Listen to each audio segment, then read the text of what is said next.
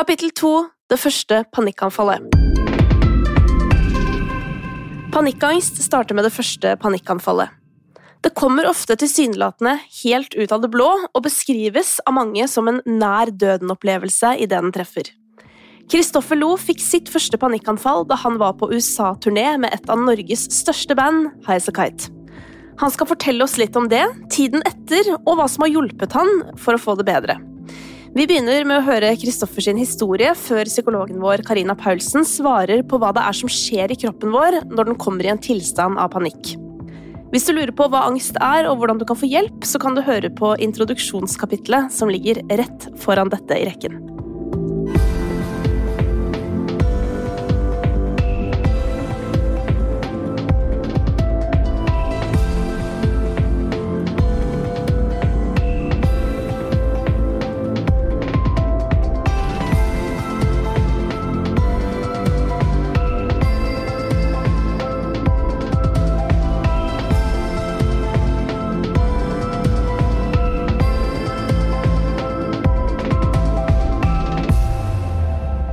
Dagens gjest er Kristoffer Lo fra Vestby. Han er 32 år, jobber som musiker og komponist. Og hjertelig velkommen til deg, Kristoffer. Tusen takk. Du, Før vi skal begynne å snakke om eh, det vi skal i dette kapitlet, så vil vi gjerne høre din angsthistorie. Mm. Min angsthistorie den er uh, kanskje på et vis litt sånn todelt. Jeg tar hele, jeg, bare fordi det er uh, artig. Um, jeg tror det på et eller annet vis starta da jeg var 13 år, kanskje. eller noe. Jeg skulle sove over hos en gammel kjæreste jeg hadde da. Og så den kvelden så ble jeg så fryktelig kvalm. plutselig. Kjempekvalm. Og så bare forble jeg kvalm i fire år, tror jeg. Noe sånt. Hele tiden. Bare kontinuerlig. Alltid. Eh, og livredd for å kaste opp. Helt sinnssykt redd for å kaste opp. Eh, og et par ganger så hadde jeg noen sånne brekningsgreier, og da følte jeg at eh, nå dør jeg, på en måte. Nå kveles jeg, og, for det kommer, det kom aldri noen ting opp. Um, og etter en stund med dette her, da, så etter liksom et halvår med liksom kvalme hvor jeg sleit med å sove, alt var bare kaos, liksom. Men så ble jeg sendt, eller så foreslo moderen at jeg skulle gå til psykolog. Uh, som jeg syntes var modig av moderen og faderen. Da var jo sikkert jeg blitt 15 eller 16. eller et eller annet. Uh, det var bare at de visste jo ikke så veldig mye om psykologer eller psykologi. Så jeg ble sendt til en gestaltterapeut. Okay, ok, hva, hva, er det? Jeg veit ikke helt på en måte, definisjonen av det, men i hvert fall det han Det jeg sitter igjen med etter det, mm. etter det halve året jeg gikk til han, er at hvis jeg peker på en person og sier 'du er dus', hvis jeg sier sånn 'Kristine, du er dus, du, så er det tre fingre som peker tilbake på meg og sier 'nei, det er jeg som er dusten'. Det er jeg som er problemet her, ikke du. Alle folk er bra, bortsett fra du som syns noen andre er dårlige, For dette er det du som er problemet. Så da det på en måte planta en sånn frø i meg som var det at eh, Å ja, så uansett så er det meg som er problemet. Uansett om det er folk rundt som liksom er kjipe, eller et eller annet, så er det jeg som er problemet. Så det er jeg som må endre meg, det er jeg som må tilpasse meg. Og Det gjorde vel kanskje et eller annet med Det satte i gang en del har jeg skjønt nå ettergang, en del sånne leveregler for meg selv. Som mm. bare var at jeg aldri er bra nok. Jeg aldri er eh, Jeg kan aldri gjøre ting godt nok, på en måte. og, og jeg kan aldri ofre meg selv nok for andre mennesker. Det går ikke an å på en måte, Jeg kan, kan aldri på en måte gi nok av meg selv. Så det er den ene siden. da, Det er den biten der. Og så var vi Jeg har jo jobba veldig mye i lange perioder, mm. og jeg hadde en sånn herre uh, Jeg kjenner nok kanskje ikke helt Eller begynt først nå å kjenne mine egne begrensninger, så jeg hadde en sånn strekk hvor jeg Jeg husker at vi spilte to Sentrum Scene-konserter med Highasakite. Dette var da torsdag og fredag. Også på lørdagen så dro resten av High Sky til Canada, for vi skulle spille der på mandagen. Men jeg dro til Amsterdam og spilte konsert på lørdagen. Og så dro jeg til Volda i konfirmasjonen på søndagen. Og så fløy jeg til Canada og spilte konsert på mandagen. Og da jeg sto på scenen der, idet vi gikk på scenen, da kom det en sånn fornemmelse om meg sånn Nå dør jeg! Nå! Nå bare Nå, nå dør jeg. Det er helt sikkert, liksom. Det er ikke noe annet. Var det på en måte ditt første panikkanfall ja. i runde to, da, hvis ja, vi kan kalle det det? For dette, den der, hele den kvalmegreia var aldri på en måte noe sånn panikkprega i det hele tatt. Nei. Det var bare en ren sånn derre Uro, på en måte? Ja, eller nesten en fobi, eller hva, et eller annet sånt. ikke sant? Mens mm. der kom da liksom panikkangsten for første gang. da, Bare servert rett i trynet. Jeg husker veldig godt at um, jeg har greid å på en måte Jeg har aldri som stoppa eh, av noe sånn angsting. Jeg alltid kunne spille, jeg har alltid gjort greia mi. Jeg har funnet måter å gjøre det på. Men akkurat den konserten her så greide jeg ikke å synge i det hele tatt. Jeg bare sto med gitaren og bare Men altså, altså, du får det på scenen. Ja, jeg sto på scenen. Det var, vi var support for Of Monsters and Men i, i Massey Hall, fineste stedet i, i Toronto. Det var 4500 mennesker i salen. Dritfint. Det var turnéåpning. Megakult. Og jeg bare Nå, nå dør jeg. Men kjente du det før du gikk på, eller Nei. var det Nei, du gjorde ikke det. Jeg var så oppslukt i at jeg liksom skulle greie dette her eh, Sentrum Scene, Sentrum Scene, Amsterdam, Volda, Canada. Her være Supermann, liksom. Jeg får til alt. Jeg var så oppslukt i det, da. Men så plutselig så kommer man på scenen, og så får man liksom det som er rart nok å si, da, men plutselig så får man litt ro. Altså, fordi at da er man plutselig inn i et slags sånn vant uh, greie. Dette, dette, kan, dette gjør jeg jo. Mm. Så da får man litt tid til å tenke, og da bare gikk det litt uh, skeis. Uh, og da husker jeg veldig godt at jeg Øystein Skar, som spiller eh, keyboards i Highskite, han, han så bort på meg og skjønte at noe var helt eh, galt. Så vi spilte, heldigvis var det en, en oppvarmingsjobb, så vi spilte jo bare en halvtime. Og så beordra han meg ned. Jeg fikk ikke lov til å være med å rigge ned, som jeg alltid gjør. Og så kom han ned etterpå, og så lå jeg på sofaen og var helt sånn der, helt for jeg visste jo ikke hva dette var. Jeg ante ikke at dette var panikkangst. Jeg, jeg skulle jo bare dø. Det var, det var det eneste som var klart for meg. på en måte. Um, og så, så sa han liksom Jeg tror vi skal gå ut en tur. Og jeg bare nei, nei, nei.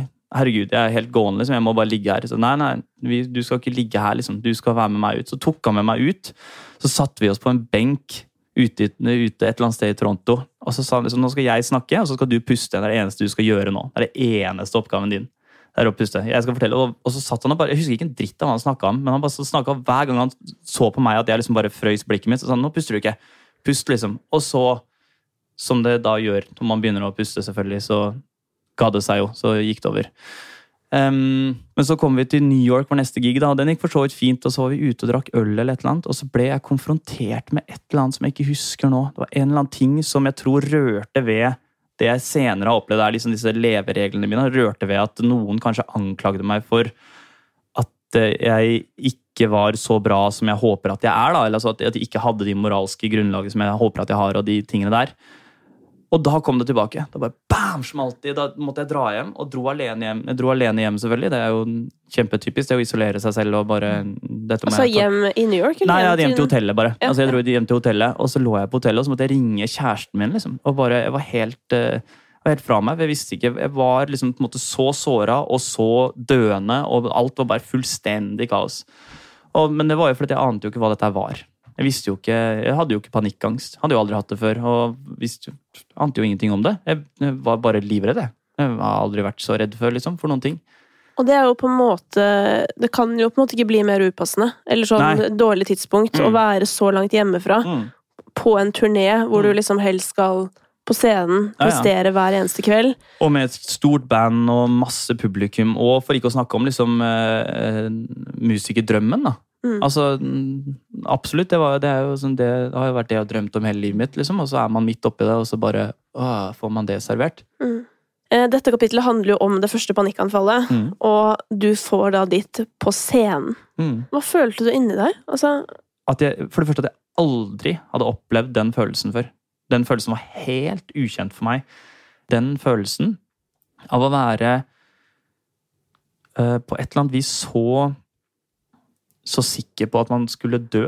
Uten at, man visste inne, uten at jeg visste hva det innebar. Jeg ante ikke hva det innebar, men jeg bare jeg kan ikke skjønne hvordan jeg skal overleve det her. Hvordan jeg skal på en måte Og så kommer jo også den tanken at tenk om dette er sånn det skal være resten av livet nå. Nå har jeg fått på en måte dette her. mm. Uansett hva dette her er, det har jeg fått nå. Og sånn er det potensielt at det skal være resten av livet. Mm. Karina, du er eh, psykologen vår, Ja. og nå har du hørt Kristoffers fortelling. Altså, vi har jo hørt mange fortellinger om det første panikkanfallet, og Mm. det som er til felles hos alle, Mm. er jo nettopp bare 'nå dør jeg'. Mm. Altså, nå kommer jeg til å dø. Mm. Ja, katastrofetanker. Eh, så det er ikke situasjonen eller stedet eh, i seg selv som er det avgjørende, men, eh, men eh, tolkningene man gjør seg, tankene man tenker. Mm. Og så skjer det veldig mange responser i kroppen som gjør at man settes i en sånn beredskapsfunksjon. Og når man er i den beredskapen, så tenker man på en annen måte enn det man ville gjort når man var rolig, for eksempel. Mm. Og trygg. Men hva er det som konkret skjer i kroppen når man opplever et panikkanfall? Det skjer mye, og det er jo også det Kristoffer forteller om. Eh, men eh, hjerterytmen øker, og styrken i hjerteslagene øker. Og dette er egentlig en viktig funksjon for å gjøre kroppen klar til handling, altså kamp eller flukt. Eh, fordi kroppen nettopp, eller hjernen, menneskehjernen og hele systemet tror at du, det er fare. Mm. Um, og det er, selv om situasjonen ikke har noe med fare å gjøre, så er det på en måte falsk alarm. da. Du settes i din beste beredskap, og, der, og det oppleves som veldig ubehagelig. Mm. Så hadde du vært i samme situasjon, um, og det skjedde noe som var forferdelig, så ville, så ville du ikke stille spørsmålstegn ved disse symptomene. Videre så så skjer det noe med blodgjennomstrømmingen. Eh, så blodet transporteres bort fra steder hvor det ikke er behov for det, og pumpes mot stedene hvor det er behov. Så fra fingre og eh, mindre deler av kroppen til større muskler. Mm. Og derfor skal man oppleve liksom prikking, og man kan bli kald og nummenhet og ubehag i kroppen. Eh, Svimmel.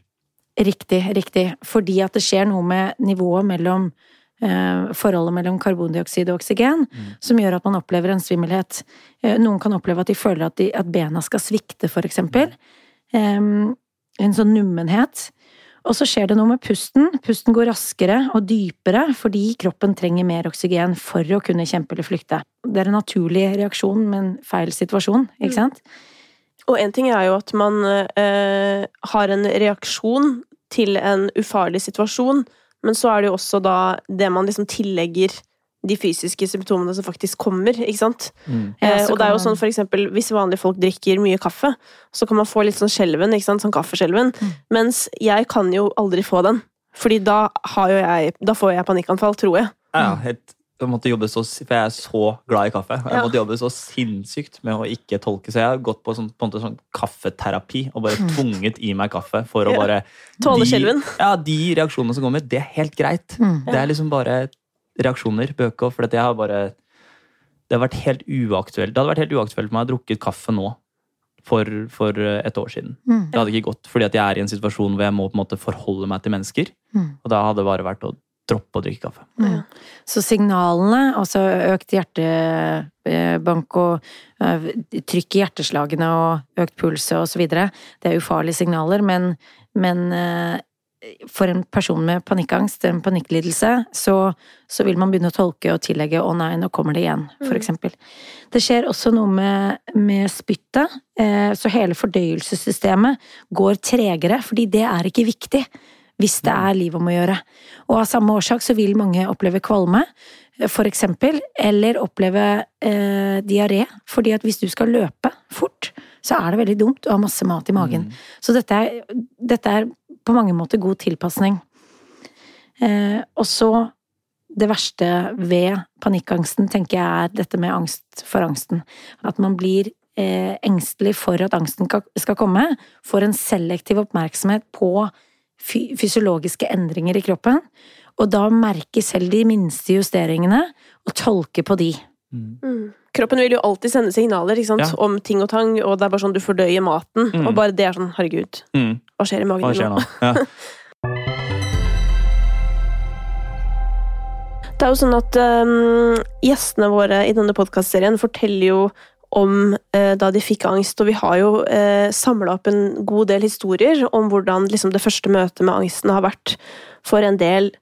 Men for alle der ute som kanskje på et eller annet tidspunkt kommer til å få et panikkanfall, hvordan kan man vite at det er det man har? Altså, Hvordan er det på en måte folk flest forklarer at det oppleves? De fleste forklarer det som en ekstremt ubehagelig opplevelse, en sterk aktivering fysiologisk i kroppen, eh, samtidig med Eh, katastrofetanker, som at nå dør jeg, eller nå kommer jeg til å kaste opp, eller eh, nå mister jeg kontrollen, nå blir jeg sinnssyk. Ja. Nå kommer også, jeg til å besvime. Mm, nå blir jeg sinnssyk, nå blir jeg gal. Mm. Mm. Det er de vanligste katastrofetankene. Mm. Jeg tenker Man er ikke i tvil. Det er så voldsomt og så ubehagelig. Og så, må, så er det også viktig å si at eh, det er heller ikke sånn at de fleste av oss opplever et panikkangstanfall. Eh, det er en prosentdel av befolkningen. Mm. Eh, så man skal heller ikke kle på seg en sånn eh, kappe av frykt og Nei. bare gå og vente. Men så er det jo også ofte sånn at når man først har fått et panikkanfall, så får man flere Ja. Det handler om angsten for angsten, tenker jeg. At man begynner å tolke på signalene, og at eh, signalene setter den loopen av tanker i gang. Og så skjer det en sånn økt følsomhet i kroppens autonome nervesystem. Det vil si at eh, eh, puls, pust, tarmfunksjon eh, reagerer på en eller annen måte raskere. Man blir mer følsom og var. Mm. Dette er også en del av det. Mm. Men jeg husker at jeg ble så redd for å bli utbrent. Altså sånn der at liksom Fordi jeg begynte å, å etter hvert koble sånn eh, panikken min til at jeg kanskje har gått over grenser gjennom å gjøre ting jeg ikke vil, eller jobbe for mye, eller gud veit. Veit fortsatt ikke hva som er grunnen. Mm. Eh, men, eh, men, men liksom utbrent, eller bli innlagt på galehus, da. Det er på en måte de to tingene som jeg var livredd for. Å bli satt ut av spill over lengre tid. Og det er katastrofetanker. Ja, fordi er det Kan man bli utbrent av å få panikkangst? Jeg vil, jeg vil kategorisere det som en katastrofetanke, og så vil jeg også tillegge at utbrenthet, det ordet er jeg egentlig ikke så fan av, fordi det høres så kronisk ut, og at vi heller kan kalle det en forstrekning. Vi er tross alt bygget for å overleve, vi tåler veldig, veldig, veldig mye, eh, og de aller fleste som havner innenfor kategorien utbrenthet, de kommer seg ganske raskt igjen. Så det er også eh, en katastrofetanke man kan plassere der. Mm. Var du redd for det, Kristoffer? Sånn eh, at du ikke kunne spille mer? Ja, ja. Ja, selvfølgelig. Jeg var redd for det. Jeg var redd for akkurat som du sier det, å, skulle bli innlagt på psykiatrisk avdeling eller et eller annet. At jeg, at jeg mista det på et eller annet. Jeg var redd for at jeg skulle bli schizofren, eller at jeg skulle Altså alle sånne, sånne helt klassiske eh, katastrofetanker. De var der hele tiden, og, og jeg sleit masse med det. Og det, jeg gikk, gikk ganske mange runder med psykologen min før jeg innså at Nettopp sånn som du sier, Karina, at vi er sterke, liksom. Mm. Vi tåler helt sinnssvakt mye. Og det at vi blir satt ut av spill en liten periode, det er jo på en måte Det gjør toppidrettsutøvere. De får strekk eller de får en skade. Altså, det skjer ting, og det er helt vanlig at det gjør. Eh, men jeg måtte finne tilbake til den tryggheten i at kroppen tåler masse, og at sinnet også tåler masse påkjenning.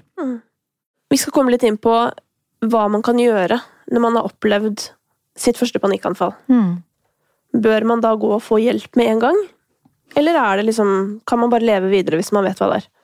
Det tenker jeg at ikke er opp til meg å vurdere eller bestemme, men at det er opp til hver enkelt. Hvis man opplever at dette vil jeg ikke stå i alene, og de fleste opplever jo det, mm. og så er det en viktig komponent knyttet til dette med lettere psykiske lidelser, og det er skam. Hva vil andre tenke om meg hvis de vet hva jeg står i nå? Eh, Og det skal på ingen måte vise vei for hva du skal velge. Så jeg vil absolutt anbefale å snakke med noen som du har tillit til, som du stoler på, og som vil møte deg med den respekten du fortjener. Det vil si behandler deg som den du er, og ikke eh, som den som har angst. Kristoffer, da du kom hjem fra turneen som kanskje ikke ble helt som du hadde sett for deg, visste du da med en gang at nå skal jeg gå for hjelp? Jeg var jo på en måte i hermetegn såpass heldig at jeg, jeg gikk til psykolog i forkant av det. eh, Sånn at det var veldig naturlig for meg eh, å, å ha en time og fortelle om hva som hadde skjedd. Mm. Eh, og sånn sett så var jeg veldig heldig, men jeg hadde også en kjæreste som jeg er fortrolig med, på en måte, og fortalte hva som skjedde, og hun kunne på en måte gjenkjenne eh, hva dette mest sannsynlig dreide seg om, og sa at dette her er noe du må, må ta med psykologen din, dette er noe du må, må be om hjelp eh, for, for dette her må du, må du finne ut av hva er, og finne din løsning på Mm. dette her. Og det å Jeg blir så veldig sånn oppgitt over den derre at det skal være så utrolig lett å si at man har vært hos tannlegen, på en måte. Og så skal det være så fryktelig vanskelig å si at man har gått til psykolog. At det skal være så mye eh, skam rundt det, som om, eh, som om det er noe Det rammer så utrolig mange mennesker. Eh, en, en eller annen eller bare, Det bør ikke være noen ting engang. Det kan være at du, du, har det kjipt på jobb. Du bør ikke oppleve noen ting. Altså, det er så mange grunner til å oppsøke hjelp på et eller annet vis. Så det å, å på en måte bare prøve å legge vekk den skammen eller den engstelsen som er knytta til det, og, og faktisk be om hjelp. fordi at går man til en psykolog, så har mest sannsynlig den psykologen en eller annen utdanning i å hale ut av deg hva som trengs å hales ut av deg. For det føles kanskje rart å gå til en person og bare skulle sette seg ned og Ja, skal vi prate, da? Men den personen er jo da trent til å hale det ut av deg. En psykolog kan både identifisere noen mønstre, Mm. eh, men også kle deg på til å eh, Til å møte livet, til å nyte livet, og til å lære noen ting om psykologi, som også har et positivt fortegn. Så jeg tenker at det å, å eh, tidvis oppsøke en psykolog, det kan også være mye mental hygiene. Det er jo egentlig et veldig fint begrep, syns jeg, da. Mm. Eh, og det er jo sånn, selv om eh, jeg har det bedre nå, og har det mer stabilt enn jeg hadde det tidligere, så går jeg jo fortsatt til psykolog for å få hjelp. Eh, men jeg går fortsatt til psykolog like ofte. Nettopp fordi jeg ser på halvparten av det, det jeg går dit for, som å få hjelp for å på en måte komme meg stadig fremover, da. I dette lille rotet oppi hodet. Men eh, den andre halvdelen er egentlig bare for mer sånn PT. Ja. Ja, nettopp. Personlig hjernetrener. Og det, det tenker jeg eh, veldig mye av eh, det vi er, er jo psykologi. Mm. Eh, og det er avgjørende for, eh, for hvordan vi har det. Måten vi tenker på, hvor oppmerksomheten vår er. Og vi er eh, allerede kjent med at eh, det er positivt å trene eh, fysisk. Mm. Eh, det er mye annet vi gjør for å ivareta oss selv. Men hjernen og hodet, måten vi tenker på, å forstå følelser, reaksjonsmønstre osv., det er fortsatt noe vi helst ikke snakker så høyt om. Og det er på mange måter veldig rart. Kristoffer, du hadde jo en eh, heftig USA-turné, oppvarmingsturné for Of Monsters and Men, og dro deg altså gjennom hele turneen med panikkangst på slepet uten at du helt visste hva det var. Du var bare redd, liksom. Mm. Eh, hvor lang tid tok det før det på en måte anfallene og sånn ga seg? Uten å vise det sånn helt konkret, så ville jeg på en måte anta rundt et halvår Mhm. til et år før det på en måte Kanskje først og fremst til jeg ikke lenger var redd for å få det. Ja. Jeg har ikke noen sånn oversikt lenger over hvor ofte jeg fikk For dette, de kommer i litt sånn forskjellige varianter noen ganger. Altså Det der første, det var jo helt sånn derre Helt sinnssykt. Mm. Men så har det vært noen etterpå hvor- man bare blir helt ute. Man bare Du greier ikke å forholde deg til folk, du har lyst til å isolere deg selv. Jeg husker vi var også med oss Off Monsters and Men. Da var vi på englandsturné, var i Brighton. Og da bare Da var jeg så utafor. Og da, da For meg så har det vært mye sånn at jeg har hatt behov for å isolere Eller jeg har følt et behov for å isolere meg. Mm. Selv om jeg veit at det ikke er det. Det er jo egentlig det siste man skal gjøre. For det man gjør da, er at du setter deg for deg selv og så bare sier du nikjenner på kroppen. Og bare Mm. nitenker på hvordan du har det. Så jeg husker at vi gikk ut og spiste. Jeg var helt utafor. Jeg prata ikke med folk, og jeg liksom satte meg litt bort fra de andre i bandet. Og alt med sånne ting. Og så skulle vi ha lydprøve, og jeg sendte hele kroppen bare stritta imot, stritta imot. Og så begynte jeg å tenke på hva er det den psykologen din har sagt. liksom, Hva er det som er viktig å gjøre? Jo, det er viktig å liksom innse hva som skjer, prøve å gjenkjenne det. Ok, Så gikk jeg inn på lydprøve, og så sa jeg liksom Ei, kan jeg få oppmerksomheten? Jeg har panikkangst, jeg nå. Jeg sliter maksimalt, liksom. Bare sånn at dere veit det. Og så så alle på meg og sa å ja, kult. Da vet vi det. Og så bare fortsatte vi.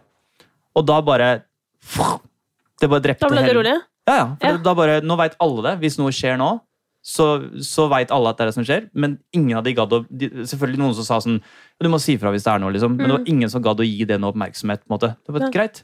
Ok, kult, liksom. Da sier du fra hvis vi kan gjøre noe. Og så bare Og da bare Å ja. Ok. Shit. Da bare, da bare Ja, ok, da fortsetter vi, da. Kult. Men det er veldig gøy å høre deg si det, for det er akkurat det samme jeg sier på jobb. Jeg pleier å si det på sending noen ganger. Bare sånn, I dag så har jeg en sånn dag, så hvis liksom noe skjer, så fint hvis noen bare kan trykke på denne røde knappen, for da begynner en sang. Mm.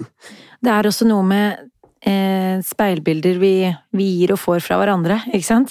Og det, det som du fortalte, Kristoffer, hvor du sa ifra at nå har jeg panikkangst, og så får du en respons som, som er både så normaliserende, Mm. men også de eh, tar, tar deg på en måte litt ut av det fokuset, da, for de er, for, for de er fokusert på noe helt annet. Mm. Eh, og fordi er du mye mer og noe helt annet enn den panikkangsten Mm. som i deg fyller omtrent hele Alt. din identitet. hele- Ja, ja. Jeg, jeg, Så det er noe veldig normaliserende i det også. Mm. Bare sånn, ja, fint det, vi, Da vet vi det. Er det noe mer? Du er forresten gitaristen vår, så kan Ja. du begynne å spille nå. Tusen takk. Ja, men akkurat det da, Og det er så viktig, for du er jo bare 100 oppslukt i deg selv. Mm. Altså, du, du er jo bare nifokusert på deg selv. Som jo er ironien i dette. Fordi Ja. man får det kanskje fordi man har tenkt for mye på andre enn seg selv. Og så, Mm. får man, så sitter man bare og føler på sitt eget indre. Helt sinnssykt. Um, men når du har da på en måte kjent eh, anfallene komme, da, etter du visste hva det var og sånn, eh, lærte du deg noen triks for å komme ut av det? Ja, det, det, det viktigste trikset var å gjenkjenne hva dette er for noe. Jeg har brukt en sånn der, eh, teknikk som går på å sette en merkelapp på det, og si at liksom Ok, det jeg kjenner på nå, er å prøve å gjenkjenne hva jeg kjenner. Ah, Ok, ja, ok, hjertet, ja, det hamrer, ja. Det dunker fort. Ok, og jeg, ah, jeg puster ikke ned i magen. Nei, ok, ok, dette kan, det kan minne litt om panikkangst. på en måte. Det kan være et panikkanfall jeg har nå. Greit, har vi fått satt navn på det, så veit jeg at det er det. Og så kan jeg begynne å prøve å på en måte resonnere fram hva det jeg har lært om det, egentlig. Og jeg har lært at det ikke er farlig. Jeg har lært at for eksempel, sannsynligheten for at jeg svimer av nå, den er ekstremt liten. For man svimer ikke av av panikkanfall. Det gjør man ikke. Og, og jeg blir ikke gal. Det er ingen, du blir ikke plutselig gal. Det skjer ikke. Det, det, sånn- altså, så, så henter jeg fram sånne typer sånn faktating. Det funker på meg. Mm. Og så har selvfølgelig denne mindfulness-biten vært viktig. Det å eh, grounde meg selv. Altså det å kjenne at det, ah, liksom, Trampe beina i, i bakken, sette meg ned. Kjenne på rumpeballene som treffer setet. Altså liksom, bare kjenne at du liksom er trygg, og så begynne å greie å puste, selv om det er motbydelig ofte når du har en eller annen form for panikkanfall. Det var det som var Da vi var i Toronto og, og Øystein satt og formante at jeg måtte puste, så var det jo så, det var jo så vondt, liksom. Jeg, jeg orker ikke å puste ordentlig, for jeg, jeg greier ikke, liksom. Man er jo helt forknytt. Ja, det så er det er sånn jeg, jeg orker ikke. Så, man, du må puste. Det er eneste du må gjøre. Det eneste fokuset nå. Og det å greie å få til å ta noen liksom, Ta ti sånne åndedrag ned, helt ned i magen, det tar så brodden av, eh, av mye. I hvert fall for meg så gjør det det. Det bare dreper mye av eh, energien til eh, the upside down monster. Men jeg bare er nysgjerrig. Eh, din bandkollega som tok deg med ut på benken, skjønte han hva det var? Ja, det tror jeg han gjorde. Ja. Han skjønte hva som foregikk, ja. Eh, han så det på meg. Vi har, altså, vi har vært bandkollegaer lenge, og man kjenner hverandre veldig godt. Mm. Jeg ser på han når han sliter med ting, og, og han så nok på meg at wow, her skjer det virkelige ting, på en måte. Så og, og hadde vel da sikkert lært seg den teknikken med pusting, da. At det er, for det er jo en slags Det tipper jeg du kan si deg enig i, at det er jo en slags sånn derre En liten sånn I hvert fall å starte der. Å starte med å prøve å puste. For det Å lære å bruke pusten Mm. er en velsignelse, og det er et verktøy som alltid er tilgjengelig for oss. Uavhengig av hvor, hvor vi er, hva som foregår omkring oss, hvem vi er sammen med. Og gjennom pusten så har vi alltid tilgang til et stille rom i oss selv. Og når vi puster rolig, så aktiverer vi det parasympatiske nervesystemet, som gjør at vi blir rolig også inni oss, så vi kan kontrollere for eksempel et panikkangstanfall, eh, og ta kontrollen over kroppen gjennom rolig pust. Mm. Det, er, det er noe man må lære og øve på, Mm. Men eh, det er en helt velsignende effekt. Mm. Og også i møte med eh, mangel på konsentrasjon, for eksempel, eller sånn kaotisk indre, så kan pusten være et sånn anker. Mm. Det har brukt det mange ganger på scenen etterpå, i etterkant. Mm. At jeg eh, husker vi sto på, eh, på Øyafestivalen med, med Kite, og så løper ut på scenen, og det er bare adrenalin fra en annen verden, liksom. Og det er bare helt sånn der galt, og så bare Og dette var da dere avsluttet festivalen, Ja, eller? mm. Ja. Og det bare liksom øh, det er alt, og Du bare er gira alt med noen ting. Og så det å da greie å bare liksom ta de to pustene for å liksom Ja, det er, det er dritbra med det adrenalin og det energi, og sånne ting, men å få tilbake bare en eller annen sånn kontrollfølelse, liksom. Og bare to-tre åndedrag da, og det, det kicket av å stå da og se foran så masse mennesker og stå og bare Det er ganske rå følelse òg, for du føler det, det er litt sånn empowering på et eller annet vis. At du føler at du tar bare liksom situasjonen og så bare Sånn. Mm. Greit, selv om dere er der, selv om alt dette skjer, selv om dette er kaos, så kan jeg fremdeles puste. Mm. Kan fremdeles, det er liksom ingen som kan ta fra meg. Jeg kan fremdeles gjøre det. Det er ganske kult.